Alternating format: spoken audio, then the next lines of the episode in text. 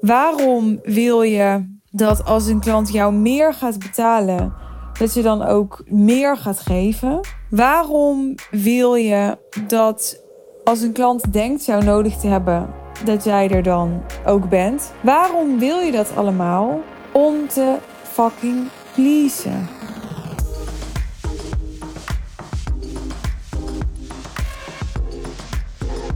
Oeh, de titel van deze podcast heb ik net bedacht. Hoe je je klanten klein houdt met je aandacht. En die vind ik wel spannend hoor. Maar ik weet, als ik die spanning voel, dan, uh, ja, dan heb ik het op te nemen. Maar ik kan dan wel denken, oh ja, wat gaan mensen hier dan van vinden? En tegelijkertijd weet ik, ja, dat maakt dus eigenlijk helemaal geen bal uit. Want als ik voel dat dit verteld moet worden door mij heen, dan, ja, dan moet het verteld worden door mij heen. En dan laat ik het vervolgens gewoon los. En dan mag ieder ermee doen en van vinden wat hij wil. De aanleiding voor deze podcast was een uh, ja, heel mooi gesprek dat ik had met een klant van me uit de Real Deal. En zij had iets bij mij neergelegd. Ik hou het een beetje discreet, dus ik ik ga niet helemaal vertellen wat precies. Maar vervolgens zei ik tegen haar, ik zei nou, ik ga aan jou reageren. In een, uh, ja, ik noem dat soms gekscherend privé podcast. Als ik lange spraakberichten stuur aan klanten, wordt het soort privé podcast. Af en toe doe ik dat als er aanleiding voor is. En ik zei tegen haar, ik zei, nou, ik heb eigenlijk de intentie om wat in te spreken aan jou als mijn coachie. Maar ik zei, ik wil ook wat inspreken aan jou, waarin ik jou een kijkje geef in mijn hoofd als ondernemer zijnde. Want ik wil dat wat jij bij mij neerlegt, wil ik zien als dat jij mijn coachie bent en ik jouw coach. En ik wil jou zien als jouw coach. Maar ik denk dat het ook heel leerzaam voor je is als ik met jou deel wat er bij mij gebeurt wanneer jij dit deelt en hoe ik hiermee omga, welke afwegingen ik maak. En zij zei: Ja, doe maar, vind ik interessant. En ja, ik heb allemaal super leuke, leergierige klanten die heel erg openstaan. Daar voel ik me echt heel gezegend mee. Dus zij pakte dat ook mega mooi op. Ik had al tegen haar gezegd: Ja, ik denk dat ik hier ook een podcast van ga maken, omdat ik direct al voelde: Oh, dit is zo'n mooi gesprek. En dat wat zij bij mij neerlegde, dat gaf mij zo mooi de kans om, om te verwoorden hoe ik um, aankijk tegen het onderwerp van deze podcast. Het heeft alles te maken met, met aandacht en uh, hoe ik kijk naar veel geld investeren. Dat is wat mijn klanten doen, dat is wat ik zelf doe. Dat is ook ja, de, de bubbel waarin ik me begeef. Hè. Dus ik ben, doordat ik zelf in high-end programma's investeerde en investeer, en doordat mijn klanten dat doen, zit ik helemaal in een netwerk inmiddels van mensen die dat doen. En omdat ik dat al jarenlang zit, heb ik heel erg mijn eigen visie ontwikkeld op ja, aandacht geven in, uh, in high-end programma's. En ik realiseer me dat die visie misschien ja, voor velen die minder in dat netwerk zitten, minder in mijn wereld zitten en de normen hebben die ik inmiddels heb, best onconventioneel is. En dat je daar als buitenstaander echt helemaal geen reet van begrijpt, dat begrijp ik echt heel goed, want dat deed ik zelf namelijk ooit ook niet. Nu weet ik niet hoe jij als luisteraar aankijkt tegen dit onderwerp en in hoeverre grote investeringen doen voor jou de norm is. Wat overigens niet wil zeggen dat als grote investeringen doen voor jou de norm is, dat je dan dezelfde visie moet hebben als ik natuurlijk. Maar om even inhoudelijk te worden. Het is natuurlijk heel populair. Ik heb al best wel veel gezien, al jarenlang, al vanaf dat het, het woord high-end zo'n beetje voet aan de grond zetten in Nederland. Om te zeggen, ja, als mensen heel veel betalen, dan, uh, dan moeten ze ook heel veel aandacht krijgen. Of ja, ik, ik snap eigenlijk niet waarom uh, echte aandacht zoveel geld moet kosten. En nou, het is natuurlijk heel populair om te zeggen dat je heel snel wil antwoorden op klanten. Dat je altijd beschikbaar bent voor klanten. Dat het raar is om niet altijd beschikbaar te zijn voor klanten. Het is kort gezegd, samengevat, natuurlijk heel sympathiek, laat ik dat woord gebruiken. Ook waarschijnlijk sympathiek om uit te stralen en te roepen dat je er altijd voor klanten bent. Hoe ik hier naar kijk is, als je er altijd voor klanten wil zijn, dan kan je er nooit echt zijn. Het is een beetje in dezelfde categorie als als je er voor iedereen wilt zijn als ondernemer, dan ben je er voor niemand echt. Ik denk als je er altijd wilt zijn voor klanten, dan ben je er niet echt op het moment dat het ertoe doet. En natuurlijk ligt het genuanceerd. Natuurlijk is het niet per se en altijd waar. Maar ik kan nu bij alles wat ik ga zeggen in deze aflevering alles gaan nuanceren, maar dat wordt heel vermoeiend om naar te luisteren, gok ik. Dus dat ga ik niet elke keer doen. Maar bedenk die nuance er maar bij. Ik denk dat ik er best veel voor klanten ben. Maar ik realiseer me ook dat het super relatief is. Ik realiseer me ook dat bijvoorbeeld in de ogen van mijn team, ik ga daar zo wat meer over vertellen. Mijn team zei laatst tegen mij: Suus, je moet echt minder op die chat zitten met die klanten. en niet omdat mijn team ja, vindt dat ik er niet voor klanten moet zijn. Of omdat ze niet vinden dat ik mijn klanten niet op de beste manier moet helpen. Of omdat ze vinden dat mijn klanten geen aandacht moeten krijgen. Of nee, dat is het allemaal niet. En ik zou ook bijna willen zeggen. Alles wat ik zeg in deze aflevering ga je heel goed begrijpen als je ondernemer bent op een zeker niveau. En als je ja, daar nog niet bent, dan dan kan ik me echt voorstellen om je goed in te leven in, in wat ik zeg. En ik heb daar dus absoluut geen oordeel bij. Maar het is gewoon heel logisch, omdat als ik zelf hier jaren geleden naar had geluisterd, dan had ik nooit zo kunnen begrijpen wat ik hier zeg, als dat ik dat nu kan. Omdat je gewoon bepaalde dingen nog niet ervaren en doorleefd hebt als ondernemer. Maar terug naar mijn team. Zij hadden zoiets van: ja, jij Jij moet gewoon andere dingen doen. En het is niet altijd van meerwaarde om er te zijn. Want, want dit is het ding. We denken dat snel antwoorden goed is. We denken dat beschikbaar zijn goed is. We denken dat hè, als een klant een, een sales call heeft en, en je moedigt hem nog even aan dat het goed is. Stel je bent business coach. Hè? We denken dat heel veel willen geven als een klant heel veel betaalt, goed is. Maar ik ben zelf als coachie het levende bewijs ervan dat het niet zo is. Het is gewoon niet zo. Ik heb altijd mentoren gehad. Je kan hier meer over horen in uh, een podcastaflevering die ik laatst heb opgenomen over wat kan je van je business coach verwachten.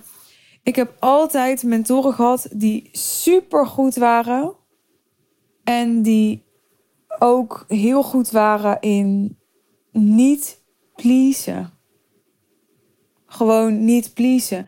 Want dat is wat hier 99 van de 100 keer achter zit. Waarom wil je snel reageren aan een klant?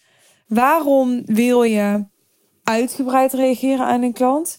Waarom wil je dat als een klant jou meer gaat betalen, dat je dan ook meer gaat geven? Waarom wil je dat als een klant denkt jou nodig te hebben, dat jij er dan ook bent? Waarom wil je dat allemaal? Om te fucking pleasen. Ja, en ik weet, ik weet echt precies wat voor DM's ik nu ga krijgen als ik dit dus niet ga nuanceren. Want ik weet dat mensen dan denken van. Nou, dat is helemaal niet zo. Want hè, soms heb je een vraag en dan is er gewoon een snel antwoord nodig. En bladibladibla. En ook dat is niet echt waar. Uitzonderingen daar gelaten.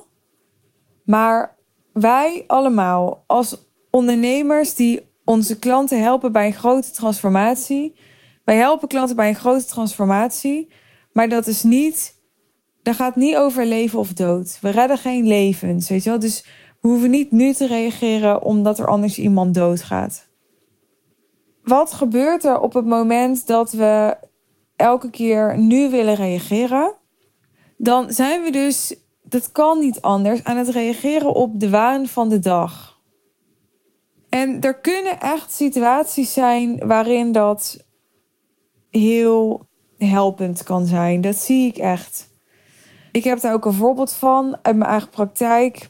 Ik heb in een, scheidingscoachingstraject gezeten en die coach zei: Ja, ik heb liever dat, hè, dat, dat jullie me contacten als er op dat moment iets is, dan dat we gaan wachten tot uh, een volgende sessie die toevallig in de agenda staat. En dat we dan wellicht veel verder van huis zijn. Omdat het te lang heeft kunnen stapelen of whatever. In dat soort situaties zie ik echt de meerwaarde van snel on-demand eh, kunnen schakelen met een klant. Wat ik overigens ook wel echt als een high-end service zie, die echt heel goed betaald moet zijn. Omdat het ja, maar heel beperkt schaalbaar is als je dat goed wil doen zonder dat je daar zelf op leeg gaat lopen. Maar dat is weer een ander verhaal.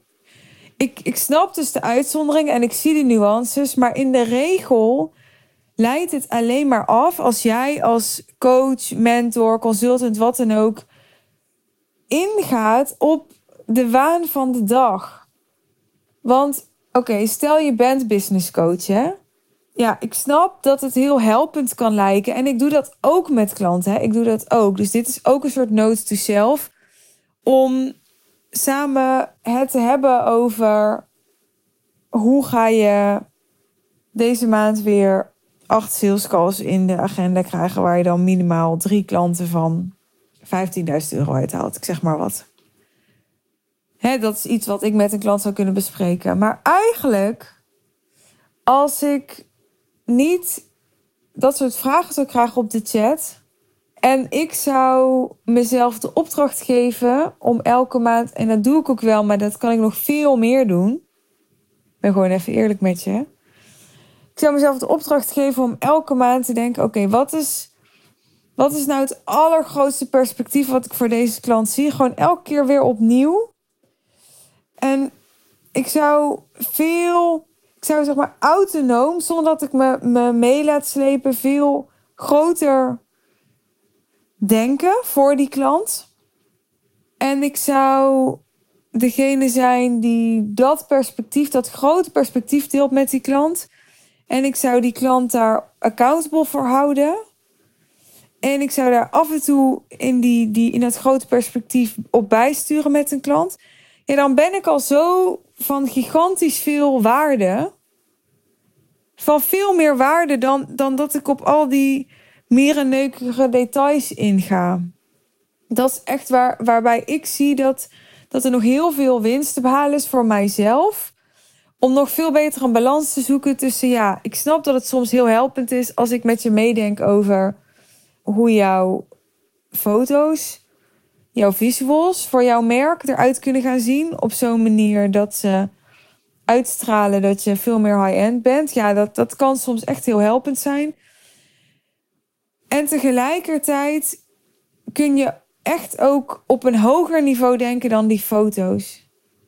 Want, want wat ga je eigenlijk met die, die foto's doen? Hoe ga je eigenlijk die fucking queen zijn met die foto's? Weet je wel?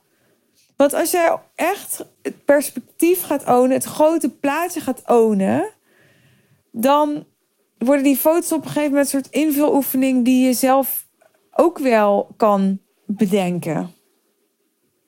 Dan, als je groter gaat denken, dan worden de dingen die nu groot lijken, die worden dan opeens best wel klein en veel makkelijker. Ja, dat is iets heel geks, maar zo werkt dat gewoon. Dus als jij nu een high-end aanbod verkoopt van, van 15.000 euro en je neemt de beslissing, oké, dat high-end aanbod van 15.000 euro, dat wordt vanaf nu met downsell en mijn high-end aanbod wordt gewoon 45.000 euro, ik noem maar wat. Dan ga je je veel minder druk lopen maken op een goede manier over dat aanbod van 15.000 euro. Dat, dat is gewoon wat er gebeurt. je hebt gewoon dan niet meer de tijd, je kan het je dan niet meer permitteren om over kleinere dingen of over dingen die, die meer over details gaan, om daar heel ingewikkeld over te gaan doen. En ik zeg dus niet dat een fotoshoot altijd een detail is, want nogmaals, soms kan het echt de sleutel zijn tot veel meer reuring creëren rondom je merk. Dus ik vind een fotoshoot echt lang niet altijd een detail. Maar nogmaals, er zitten heel veel uitzonderingen en nuances op alles wat ik zeg in deze aflevering. Dus ook op dit voorbeeld. Maar ik wil maar zeggen dat door dat please gedrag van je en door dat maar aandacht willen geven en daar maar mee sympathiek willen zijn en jezelf populair willen maken, je houdt je klanten er klein mee. En er is zo'n groot vooroordeel nog steeds door heel veel mensen. Dat high-end gaat over maar zoveel mogelijk geld vragen voor zo min mogelijk hoeven doen. En dat is soms ook inderdaad een klein stukje van het verhaal. Maar het is zo niet het volledige verhaal. En het is ook zo niet waar het in de kern over gaat. Waar het in de kern over gaat, is essentialisme. Dus het met je klant hebben over alleen datgene wat het meeste impact gaat maken op zijn of haar leven. En dat is dus maar heel weinig, want er is niet heel veel wat heel veel impact maakt op iemands leven. Dat is alleen de essentie, dat zijn alleen de essentiële dingen. En die essentie die vraagt niet heel veel tijd. Essentie is weinig, essentie is kort, essentie is een kern. Dat is waar high-end voor mij over gaat. En wat er dan soms van gemaakt wordt, is een soort egoïsme. En dat begrijp ik heel goed. Want ik heb zelf zeker in de eerste jaren dat ik, uh, dat ik hiermee bezig was, in mijn marketing heel erg geroepen van ja, hè, uh, je ideale leven faciliteren en zo. En dan daarmee heb ik eigenlijk heel erg gezegd van joh, dit high-end model stelt je in staat dat, dat, jij het heel goed kan hebben. En ik heb ook heel vaak gezegd, je helpt je klant er op de beste manier mee. Maar ik heb ook heel vaak gezegd, het is gewoon het meest simpele model en het meest snelle en het meest effectieve model om je ideale leven mee te faciliteren. En ja, dat, dat kun je zeker zien als egoïstisch. Alleen als het dan egoïstisch is, dan is het ook heel nobel. Want het is en en. En als het heel nobel is, dan, dan kan het eigenlijk toch niet heel egoïstisch zijn, denk ik. Volgens mij gaat het helemaal niet samen. Ja, ik zit het gewoon te bedenken terwijl ik het inspreek. Dus dit is voor mij waarin high-end nog zo vaak niet begrepen wordt. Het gaat niet over aandacht wat mensen bij je kopen. Het gaat over het resultaat. En een zo groot mogelijk resultaat. En voor een zo groot mogelijk resultaat is nodig dat een klant een flinke investering doet, dat een klant een flink commitment aangaat, dat een klant niet continu aandacht van je krijgt, waardoor dat wat, wat echt impact moet maken op je klant, dat wat je klant een keer echt van jou moet horen, dat raakt dan ondergesneeuwd tussen al die andere adviesjes en dingetjes en, en appjes en, en woorden die ook in, in Zoom-calls en chatberichten en e-mails en weet ik wat voor communicatie jullie allemaal hebben, voorbij komen. Ik heb snel en succesvol mijn bedrijf zo kunnen laten groeien. Onder echt verre van ideale omstandigheden. Hierdoor. Omdat ik snapte dat ik mensen nodig had die mij niet gingen pleasen, die mij geen aandacht gingen geven, die niet gelijk in de bres sprongen voor mij als ik even boer roepte, maar die iets veel groters voor mij zagen dan ik zelf. En die zich niet mee lieten slepen in mijn drama, in mijn behoeftigheid. Want dat is het. Klanten stellen zich behoeftig op en jij gaat er maar in mee. Omdat je bang bent om het niet te doen. Het is niet uit liefde, het is uit angst. En je denkt misschien dat het uit liefde is, maar het is niet echt liefde. uitzonderingen daar gelaten, weet je. Als, als er fundamentele dingen zijn, ja, tuurlijk, buiten calls om, buiten kantoortijden om, buiten whatever, dan is het fantastisch als je er kunt zijn voor je klant. Op, op make or break moment is het fantastisch als je er kunt zijn voor je klant. Maar ik zie bij mijn klanten en ook bij ondernemers die niet mijn klant zijn, dat ze er gewoon heel vaak zijn voor een klant als ze eigenlijk daar niemand mee helpen. Hun klant niet, zichzelf niet en daarmee ook niet alle ja, anderen die ze in potentie zouden kunnen helpen als ze meer tijd en geld zouden manifesteren voor henzelf om daar vervolgens weer impact mee te maken op anderen. Misschien wel goed om nog even terug te gaan naar het begin van deze podcast en ehm, wat die klant met mij deelde. Ik legde aan haar uit welke afwegingen ik nu zelf aan maken ben over wel of niet op de chat zijn voor klanten, wanneer, in welke vorm. Daar zijn we op dit moment uh, ja, heel veel mee bezig, omdat ik echt het beste wil voor klanten. En ja, misschien betekent dat wel dat ik niet meer beschikbaar ben op de chat, of bijvoorbeeld alleen nog voor ja, diamond klanten of voor een selecte groep klanten beschikbaar ben op de chat. Maar dat ik wel, ik zeg maar wat, elke maand een uh, soort visie voor elke klant even inspreek in vijf minuten van volgens mij is dit wat jij nu te doen hebt. Ik merk steeds meer dat ik, ja, of het nou mijn ervaring is of dat mijn intuïtie zich meer ontwikkelt, I don't know. Maar als ik um, afstem op een klant zonder dat ik het gevoel heb dat ik uh, speciale gave heb of zo. Ik bedoel daarmee meer mijn aandacht richt op een klant, dan, ja, dan heb ik eigenlijk altijd onmiddellijk wel ideeën bij. Volgens mij is dit nu belangrijk voor jou. Volgens mij is hier nu de meeste winst te behalen. Of... En ja, daar ben ik dus continu met mijn team mee bezig. Met hoe kan het optimaler voor de klant? Ook als het voor die klant misschien als minder voelt. Dan toch door dat ongemak heen. En zorgen dat een klant krijgt wat hij nodig heeft. In plaats van krijgt wat hij uh, denkt te willen. Vaak zit daar echt een verschil in. Nou, ik had het ook met mijn klant over positionering en marktwaarde. Ik zei ook tegen haar van, ja, die, die aandacht is ook te koop. Maar ik ken de, de high-end markt goed inmiddels.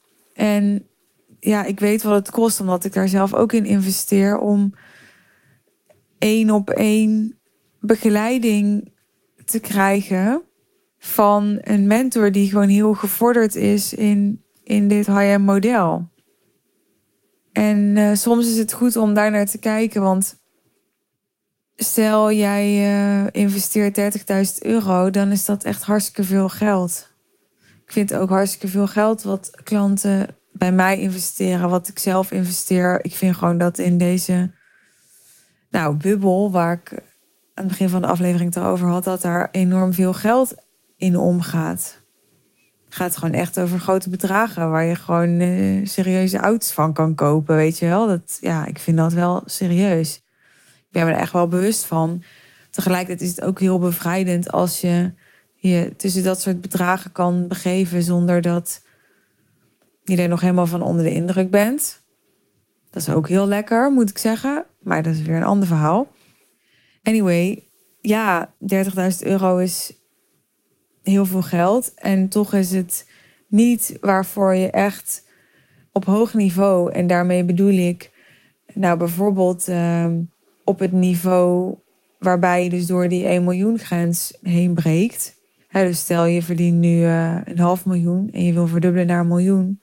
En je wil daar één op één begeleiding bij van, van iemand die, die dat leeft en die daar ervaren in is. En die daar marktleider in is. En dan, dan is dat gewoon meer waard. En, want dat is gewoon wat de markt laat zien. Ik bedoel, ik, ik ken de spelers en de skills en de mentoren. En de markt heeft daar gewoon een veel hoger prijskaartje op geplakt. Ja, ik wil nog even daaraan toevoegen dat dat je ook niet per se een half miljoen al hoeft te verdienen om dat te betalen. Het is ook een beetje, wat ben je bereid om dat te betalen? Ik bedoel, ik ken starters die nog geen euro hebben omgezet en 20.000 euro gaan investeren in hun bedrijf. In een coachingsbedrijf. Wat eigenlijk super normaal is om te doen als je bijvoorbeeld een kapperszaak gaat opzetten. Maar als je een coachingsbedrijf gaat opzetten, nou dan, dan denken mensen bij spreken dat je gek bent geworden als je nog geen euro hebt omgezet en je steekt dan 20.000 euro in een business coachingsprogramma. En ik ken ook starters en die, die, uh, ja, die, die geven net uh, eh, 50 euro uit aan een Insta-course om te beginnen, weet je wel. Dus het is ook een kwestie van, ja, hoe bereid ben je om al in te gaan voor dat wat je wil bereiken? En, en hoe groot wil je het spelletje spelen? En groot gaat niet altijd over meer geld. Hè? Groot kan, kan ook. Ja, groot kan ook gaan over. Hoe, uh, hoeveel is het je waard om je huwelijk te redden? Weet je dat, dat, dat is natuurlijk ook iets heel groots. Misschien voor je, dat weet ik niet. Het is dus heel persoonlijk. Dus hoe groot zijn jouw ambities en ja, hoe bereid ben je om daarin te investeren? En je gaat altijd houden dat sommige mensen daarin echt heel bereidwillig zijn. Dat je echt denkt, nou, dat er mensen zijn die dat investeren. Ja, er zijn echt mensen die dat investeren. En je gaat ook altijd heel veel mensen tegenkomen die dat never nooit zouden doen.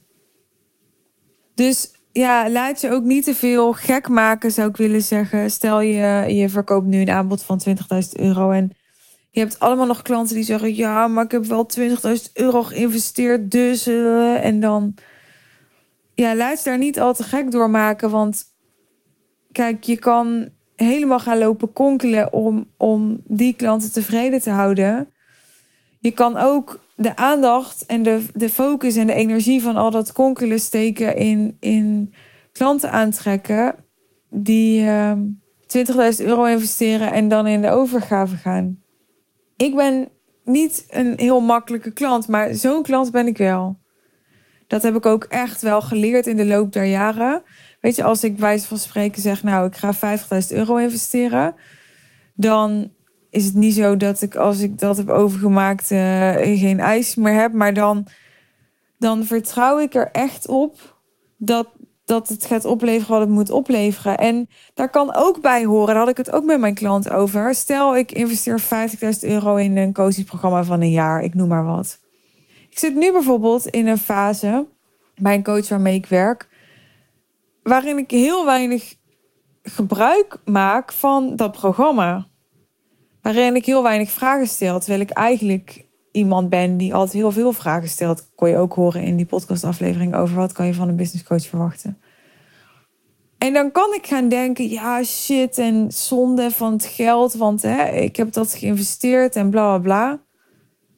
En in plaats daarvan denk ik nee.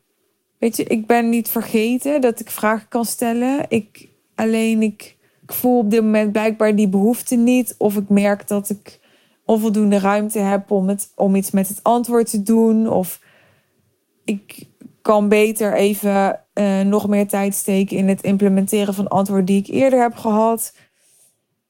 En dan realiseer ik me weer dat ik, ik investeer niet zozeer in dat programma om, om maar frequent vragen te stellen. Om, om nou dus bijvoorbeeld aandacht te krijgen. En ook niet om alles eruit te halen. Is ook zo'n klassieker. Ja, ik wil er wel alles uithalen. Nee, ik investeer in dat programma omdat ik een, een bepaalde ambitie heb. En, en die ambitie die wordt niet sneller waargemaakt als ik heel erg ga hechten aan wat ik er allemaal wel niet voor moet doen om die ambitie waar te maken. Bijvoorbeeld alles uit het coachingsprogramma halen. Bijvoorbeeld uh, wel uh, consistent vragen blijven stellen. Nee, het is toch ook heel interessant om die ambitie waar te maken door, nou misschien, misschien maar door drie vragen te stellen in dat hele jaar. Het gaat niet om de kwantiteit, het gaat om, om de impact van, van die vraag en van het antwoord. Misschien is het wel veel slimmer om in plaats van elke week een vraag te stellen, elke week na te denken over wat de allerbeste vraag is om te stellen. En dan één keer per maand een hele goede vraag stellen. Dat bedoel ik met kwaliteit is beter dan kwantiteit. En dan kun jij dus als ondernemer denken van ja, ik moet er maar altijd zijn om al die vragen te beantwoorden. Misschien moet jij er gewoon eens zijn om tegen je klant te zeggen: Weet je wat? Stel maar eens wat minder vragen en denk maar eens wat langer na over de kwaliteit van de vraag. Heb je dat al eens gedaan in plaats van meteen antwoorden en altijd maar beschikbaar zijn? Het is maar een idee, hè? Nou, ik ben natuurlijk toch wel een beetje nieuwsgierig nu hoe deze aflevering bij je. Ik ben wel heel blij dat ik hem heb opgenomen. Dat wil ik toch even zeggen. Ja. Het voelt heel erg aligned met wat ik hier kom doen in deze markt en in deze wereld. Dus daar ben ik even heel content mee. Dankjewel dat ik uh, dit met je kon delen. En uh, dat je er ontvankelijk voor was om dit allemaal te horen. Daar ga ik even vanuit voor het gemak en het vertrouwen. Ik hoop dat je er bij de volgende aflevering weer bij bent. Als je voelt, ja, die visie die resoneert zo bij mij. En ik kan hier nog zoveel in leren en ontwikkelen. En ik voel dat ik bij iemand moet zijn die, die hiervoor gaat staan. Zoals ik nu doe in deze aflevering. Dan, uh, dan ben je super welkom. Je kunt je call boeken met ons via de show notes. Daar vind je de sales page over de Real Deal, ons business traject. En op die pagina kun je een call boeken daarover. Ben benieuwd. Ik wens je een hele mooie dag, avond of uh, nacht. Afhankelijk van wanneer je dit luistert. En uh, tot de volgende keer.